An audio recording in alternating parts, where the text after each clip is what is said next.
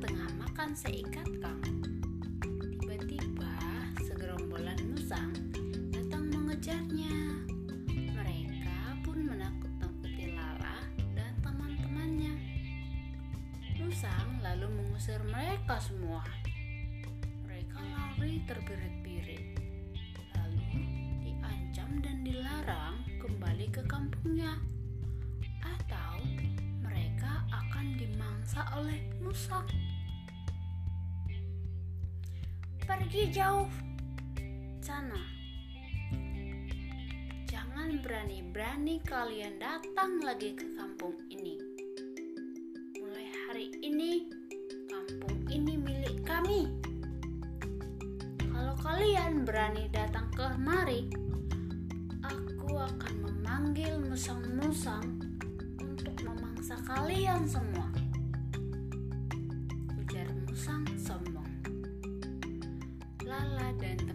Teman-temannya pun menangis ketakutan. Mau tidak mau, mereka harus pergi. Lala pun merasa sangat sedih. Mereka sama sekali tidak bersalah, tapi mereka harus diusir dari kampung mereka sendiri. Demi keselamatan,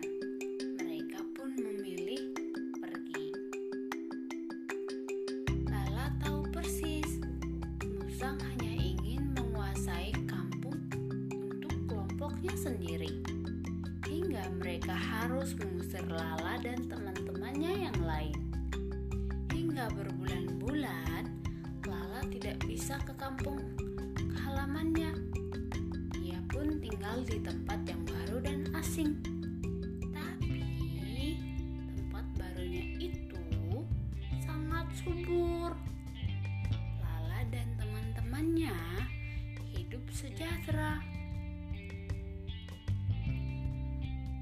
Rindu kampung halaman kita, ujar Lala.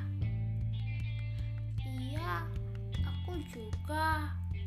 Tapi kita tidak bisa pulang ke sana.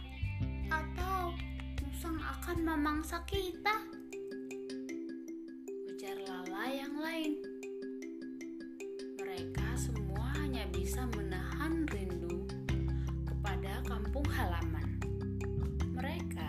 Tidak punya nyali kalau harus pulang dan mati di mangsa musang. Hingga akhirnya datanglah seekor elang ke kampung mereka. Hai Lala, apa kabar kalian? Tanya elang. Kami sehat, Elang. Bagaimana dengan kabarmu? Tanya Lala antusias. Juga baik-baik saja. Telah lama aku mencari kalian, tapi baru kali ini kita bisa bertemu. Aku punya kabar baik tentang kampung halaman kalian. Terang elang. Oh ya, apa itu? Tanya Lala semangat. Kampung halaman kalian telah porak-poranda karena banjir bandang. Kalian telah lama pindah ke tempat ini. Jadi kalian bisa hidup dengan selamat. Ujar elang. Lala juga bersyukur mereka bisa selamat dari musibah itu. Tapi tiba-tiba ia teringat pada para musang yang dulu telah mengusir dan merebut kampung mereka yang lama. Jadi khawatir pada keadaan mereka. Lalu, bagaimana dengan kabar musang? Tanya Lala khawatir.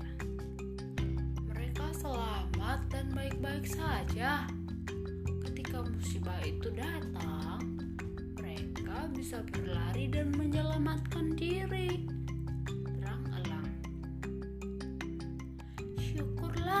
Mereka selamat.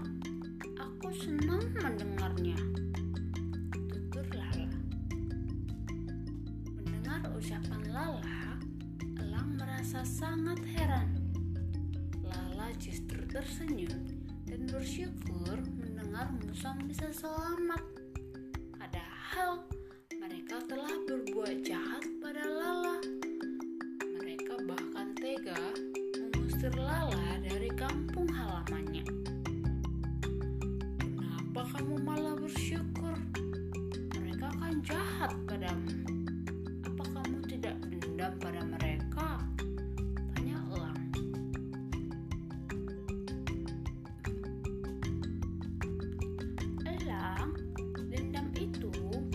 dan menyiksa.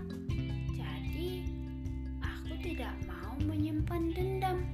Dari dulu, aku juga sudah memaafkan mereka. Meskipun Musang tidak pernah meminta maaf padaku. Terang Lala. Elang pun mengerti. Dia sangat kagum pada Lala. Meskipun telah disakiti oleh Musang, tapi dia tetap memaafkan mereka. Lala juga berdoa agar Musang tabah menghadapi cobaan yang menimpa mereka.